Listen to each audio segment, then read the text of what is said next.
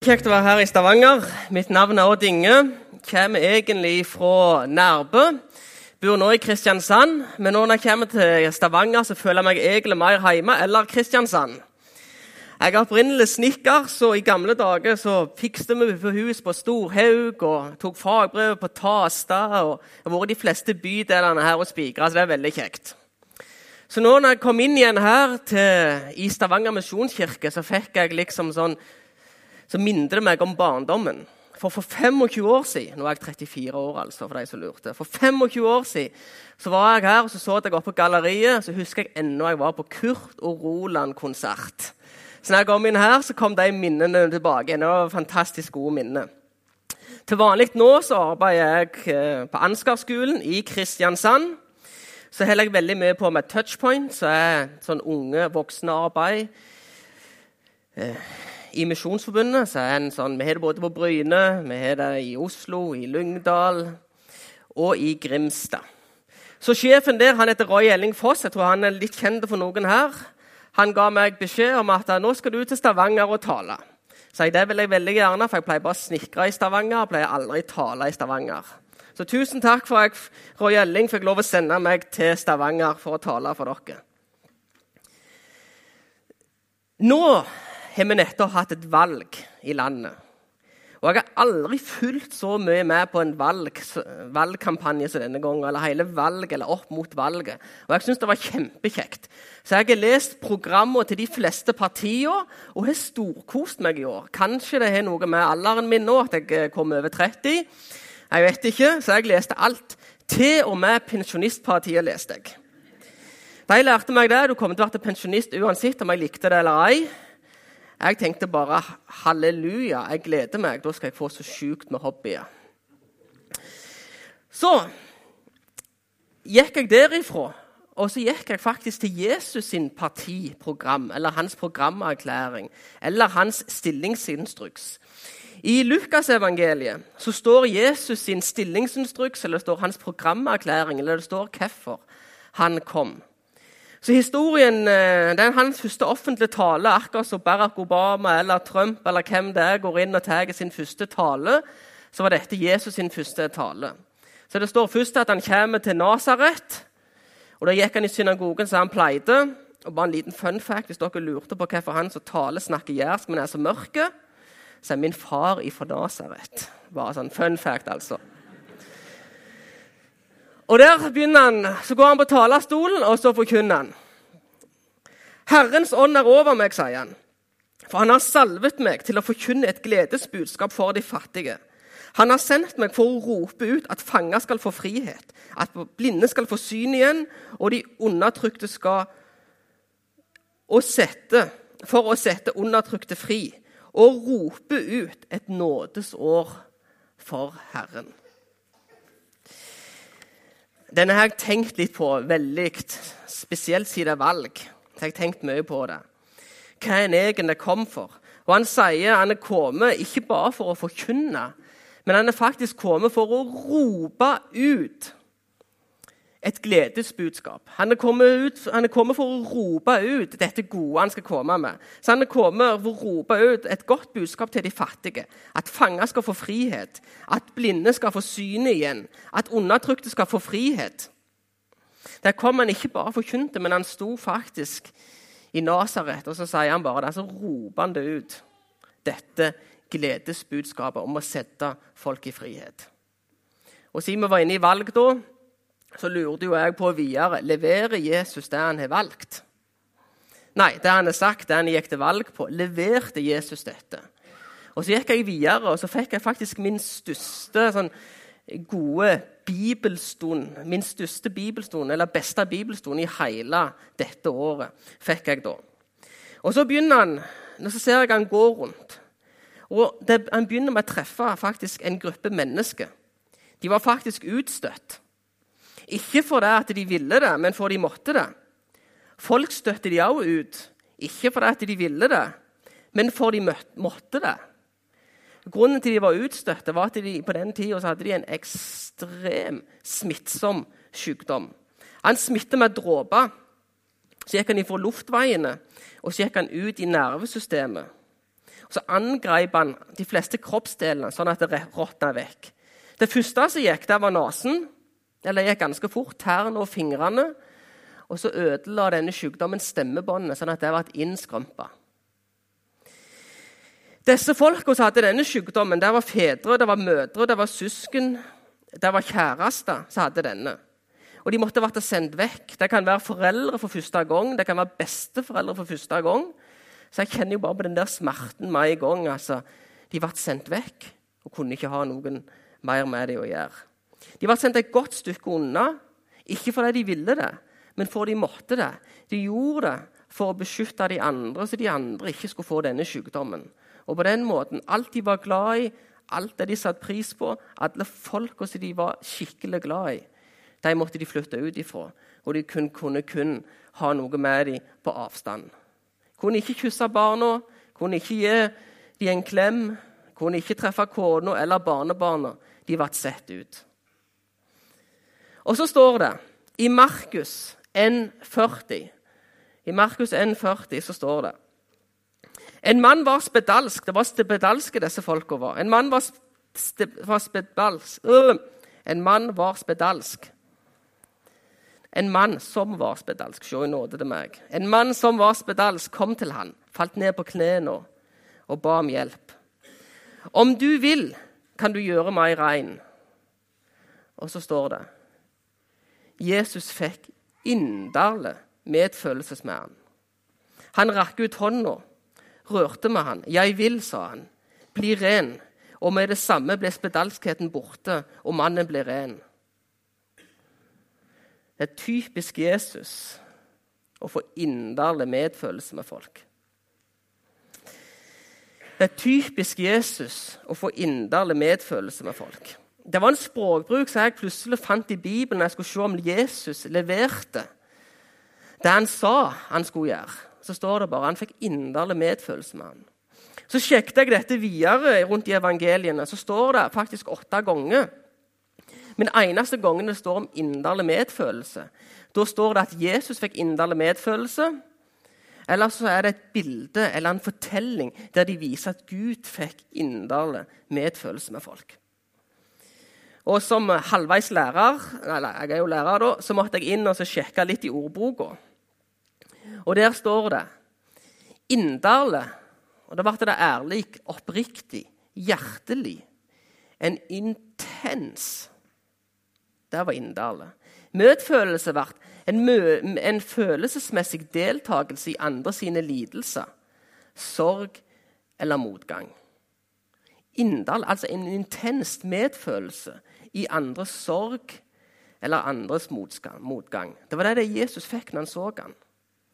Og Så kan jeg se tilbake inn på mitt liv. De gangene livet ikke er sånn, sånn som det hadde tenkt, og jeg gjerne forteller eller står eller står midt oppi noe, og noen kommer med en medfølelse, så er det så ufattelig nydelig når folk har en medfølelse med meg i min motgang, har forståelse, føler med meg. Det er ingenting som er så nydelig å treffe sånne folk. Jesus han hadde inderlig medfølelse. Men det stoppet ikke bare med den spedalske. Vi ser i Lukas 7,11 I Lukas 7,11 så står det Kort tid etter ga Jesus seg på veien til en by som heter Nain. Disiplene og stor folkemengde drog sammen med han. Da han nærmet seg byporten, ble en båret ut til graven. Han som var sin mors eneste sønn, og hun var enke. Jesus kom og så ser han det var en som var tatt ut til graven. Og så sier bibelteksten noe sånn at hun var enke, og dette var han eneste sønn. Så jeg tenker bare denne enka tenker nok sånn Eller kjenner nok på følelsen. Nå er alt som jeg er glad i, det er vekke. Og så kanskje en liten bekymring òg for den tida der. Hvis du ikke hadde en sønn eller ikke hadde en mann, så var det Nav-systemet. Hvem skulle sørge for hun når hun ble gammel? sto det. Så når jeg leser at hun var enke og den eneste sønn, så tenker jeg bare sånn, det må være ufattelig smertefullt. Både mann, sønn og framtid ser hun går vekk. Sammen med henne kom et følge fra byen. Da Herren fikk se henne, så står det igjen han fikk inderlig medfølelse med henne og sa, gråt ikke. Så gikk han bort og la hendene på båren. Eh, de som bar den, stanset og sa, den unge mannen, jeg sier deg, stå opp. Da satte den døde seg opp og begynte å tale. Så Jesus han tok og reiste opp denne. Han som var død. I tillegg så hadde han inderlig medfølelse med den som var syk. Så nå ser vi allerede to kategorier Jesus fikk inderlig medfølelse over. For det første så fikk han for de som var syke. Nummer to de som hadde mista noen av sine kjære. Hadde Jesus inderlig medfølelse med.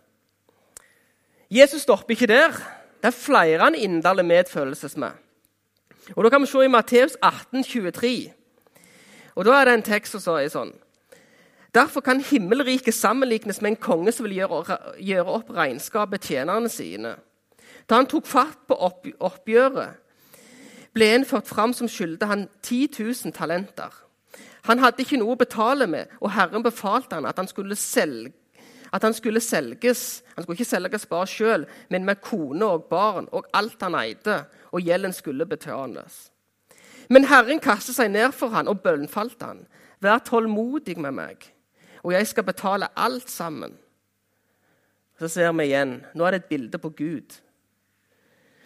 Da fikk Herren inderlig medfølelse med denne tjeneren. Slapp han fri og etterga han gjelden. Nå er vi en kategori til. Her ser vi Jesus. Han sier han var for de som trengte han. Og Nå treffer han en person til. Han hadde pengeproblem. Og Da tenker jeg inkasso, gjeld i dag, eller bare ting gikk spesielt gale, så står det i den kategorien òg så fikk Jesus inderlig medfølelse med han. Jesus stopper ikke der. Han har flere. I Lukas 15 så er det en sånn en ekstremt kjent tekst. Og Der står det Da sto en lovkyndig fram og ville sette Jesus på prøve. 'Mester', sa han, 'hva skal jeg gjøre for å arve evig liv?' Hva står skrevet i loven, sa Jesus. Hvordan leser du? Han svarte. Du skal elske Herren din Gud av hele ditt hjerte, av all din sjel, av all din kraft og all din forstand, og den neste som deg sjøl. Da sa Jesus, du svarte i rett, gjør det, så skal du leve. Men han ville rettferdiggjøre seg selv og spurte Jesus, hvem er så min neste? Jesus tok dette opp og sa, en mann var på vei fra Jericho, ned nei, fra Jerusalem og ned til Jeriko. Da falt han i hendene på noen røver. De rev klærne av han. De skamslo han og lot han ligge halvdød i grøfta. Nå traff det seg slik at en prest var på vei, var kommet samme vei. Han så han, men gikk utenom forbi. Det samme gjorde en levitt. Han kom og så mannen og gikk forbi. Men samaritanen som var på reise, kom også dit hvor han lå, og han fikk se han, så fikk han inderlig medfølelse med han. Her var det en, en, ny kategori. Her var det de som var skamslått og ligger i grøfta av forskjellige ting. Livet gikk ikke som han hadde tenkt. Og så ser vi igjen at Jesus, eller språkbruken om Gud her, han får en inderlig medfølelse med han. Så står det jo videre at de gikk at han gikk, han ga han på et herberg, betalte for han, sånn at han kunne få pleie. Og så står det i slutten, i slutten av teksten så står det til dere at vi skal gå og gjøre likeså. Sånn som den barmhjertige samaritanen. Han tok han beselet, tok han til et hotell, betalte for han så han skulle være til stede. Og så etterpå sier Jesus til oss gå du og gjør likeså. Så jeg tenkte jo for min egen del at dette må jeg øve meg på. Og Rett etterpå jeg skulle øve meg på dette, så var jeg på en sykkeltur. Jeg pleier å ta meg en sykkeltur rundt Kristiansand. Så jeg tok en, og så kom jeg ned en bakke. Jeg elsker bakker. Jeg er jo en gammel råner fra Jæren, så fart og spenning det elsker jeg. Og på sykkelen er eneste plassen jeg får lov å gjøre det nå. Trøsykkelen, altså. Så jeg ga bånn gass og skulle legge meg i disse svingene. I grøfta så sto det ei dame med en bil, og så syntes jeg det så litt spesielt ut. Så jeg tenkte OK, da. Går du og gjør likeså barmhjertige samaritan han stoppet opp. Så jeg tenkte fillen heller, så jeg stoppet opp, så jeg bremste. Sykla opp igjen. Og så så jeg ei dame sto på siden av bilen, så sto hun sånn som dette her. Og så spør jeg trenger du hjelp. Og så sier hun til meg jeg er så ufattelig, ufattelig, ufattelig kvalm. Fordi at jeg er så ufattelig, ufattelig gravid. Bare sykle videre, du. Så sykler jeg videre. Men jeg prøvde iallfall. Gå du og gjør likeså. Den barmhjertige samaritan, eller Jesus, eller språkbildet her, er at uh, han får inderlig medfølelse med de som er i grøfta. Nå skal jeg eh, omfortelle en ny historie fra Bibelen. Nå er vi til, Jæren, der jeg kommer ifra. Halve min slekt er jo fra Nasaret, som jeg sa. Halve min slekt er fra Varhaug. Så det er jo en herlig kombinasjon. Og på Varhaug er noe av det gjeveste du kan tenke deg, noe av det sværeste du kan tenke deg, det er gard. Sant? Det er store gardsbruk. Jo større, jo bedre. Så nå skal jeg ta dere med til et av de største, eller det sværeste gardsbruket på Jæren. Du vet Når du får et svært gardsbruk på Jæren, så er du som regel måttet renske all steinen vekk. Og For å bygge opp denne gården så har du som regel Din far har gjort noe. Din farfar, din tippoldefar, din tipp-tipp-tipp-tipp-tippekongen Alt har vært med og gjort noe for at den karen skal varte sånn som han er. Så her er det jo to sønner. Veldig kjent bibelsk historie. To sønner. Han ene han var veldig lei. Han var lei av å stå opp og molke. Så han spurte kan jeg få det som ble mitt, så han selger halve gården. Og du selger ikke en gard på Jæren. For den har tipp, tipp, tipp, tipp vært med bygd opp. Den selger du ikke. Han selger den. Og så står det at han reiser langt vekk, og han lever et vilt liv. Hvis vi leser det på engelsk, så står det han lever et foolish liv. Altså et tosjeliv, som vi sier på Jæren. Altså, han lever et tosjeliv, står det der. Og så er han der borte. Så går pengene sunt, det, nei, pengene vekk. Og det det eneste han kan arbeide med, det er egentlig griser, så han ender jo opp på en grisefarm. Og det var så dårlig råd at han faktisk måtte ete grisematen. Så finner han ut at alle de drengene eller arbeidsguttene på Jæren har det mye bedre eller hva jeg har det i denne grisebingen. Så han velger å reise hjem. Og faren lengter etter han. Og der står det samme språkbruken. Når sønnen er langt vekke, så springer faren imot det, og så sier han akkurat det samme der. Og når faren ser sønnen, så får han hva får han? Jo, han får inderlig medfølelse med han. Hva var han fikk? Han fikk inderlig medfølelse. Her er den som er på touchpoints alle med. Han fikk inderlig medfølelse med han, sier de teksten om han. Men Jesus stopper ikke der, faktisk. Han er en kategori til. Nå var det de som hadde ødelagt livet eller lagt vekk livet, eller levd et foolish liv som vi tenker nesten du kan bare ha det så godt hvis du sløser vekk alt dette. Men Jesus fikk inderlig medfølelse med han. Det stopper ikke der heller. Det er en annen kategori som Jesus treffer. Og da ser Jesus står mange ganger og så ser han ut over folka. Og så ser han at de er så saue uten gjetere. Han ser at de er forkomne. Han ser at de ikke har noen retning i livet. Han ser at de trenger noe retning, og de trenger noe. Og da står det igjen I den typen folk, eller den kategorien folk, så står det igjen han fikk inderlig medfølelse med dem. Så for min del, når jeg skulle sjekke om Jesus leverte det han gjorde For det var en sånn tale som jeg skulle ha på touchpoint. Så, så heter 'Typisk Jesus'. Så skulle jeg sjekke om Jesus leverte det som han sa i Nasaret. Og Så gikk jeg videre og så leste jeg. Og så hadde jeg aldri hørt det før. Det kan være jeg er for ung, eller et eller annet, altså. men jeg hadde aldri hørt før. Jeg hadde aldri lagt merke med før at Jesus fikk inderlig medfølelse. Jeg hadde sett det, men det hadde ikke gitt inn i meg. Jeg hadde ikke tatt det til meg. Og så når jeg skulle se om Jesus leverte det som han sa, så så jeg han gjorde det til høyt grad. For det at han fikk så inderlig medfølelse med dem. Og han sto i Nasaret og skulle han rope ut et nådesår til folk. så ser jeg gjennom hele Nytestamentet åtte ganger at han får inderlig medfølelse med folk. Og Da får han inderlig medfølelse med de som er syke. Han har inderlig medfølelse med de som har mista sine kjære. Han får inderlig medfølelse med folk som sliter økonomisk. Han får inderlig medfølelse med folk som ligger i grøfta av forskjellige årsaker. Han her, der var Den barmhjertige samaritanen så var det liksom ikke sjølforskyldt, men han fikk inderlig medfølelse. Han fikk inderlig medfølelse for de som var vekke fra Gud og faktisk hadde ødelagt livet sitt sjøl eller rota livet til. De samme fikk han inderlig medfølelse for. Og han fikk også inderlig medfølelse med de som gikk rundt og ikke hadde retning i livet. Så en av språkbrukene til Jesus så det står om Jesus og det står om Gud, og det er det eneste i Nytestamentet det står om. Det står åtte ganger så står det disse kategoriene. Og han fikk inderlig medfølelse med dem. Han fikk inderlig medfølelse med dem. Så Det var min store åpenbaring for 2017, at Gud fikk, og Jesus har, inderlig medfølelse. Og jeg tror, jeg tror hvis Gud er i dag, nei, i går og i dag den samme ja til evig tid, så tror jeg det gjelder i dag òg. Og Når jeg leser Nytestamentet, så leser jeg at mye av de gode gavene som jeg har fått av Gud, skal jeg gi videre.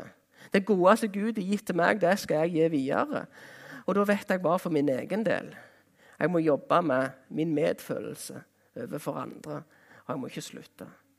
For, eksempel, for min del da, var en av de verste, eller vanskeligste å gi medfølelse det er folk som roter det til sjøl. For du tenker nesten bare kan du ha det så godt? For min del så måtte jeg gå en holdningsendring og tenke Jesus også hadde inderlig medfølelse med dem. Jesus hadde en inderlig medfølelse med folk.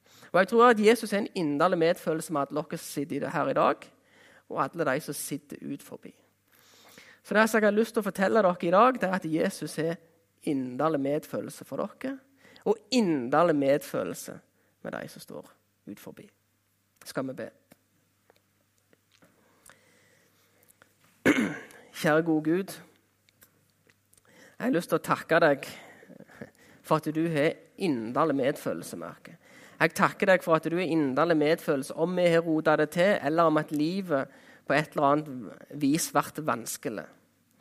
Jeg har lyst til å be deg om å hjelpe oss her inne, eller hjelpe meg sjøl og alle i hop her i din menighet, om å få inderlig medfølelse for alle disse kategoriene. Hjelpe oss å se dem, hjelpe oss å stoppe opp sånn barmhjertighet samaritanen, sånn at vi kan få inderlig medfølelse med folk.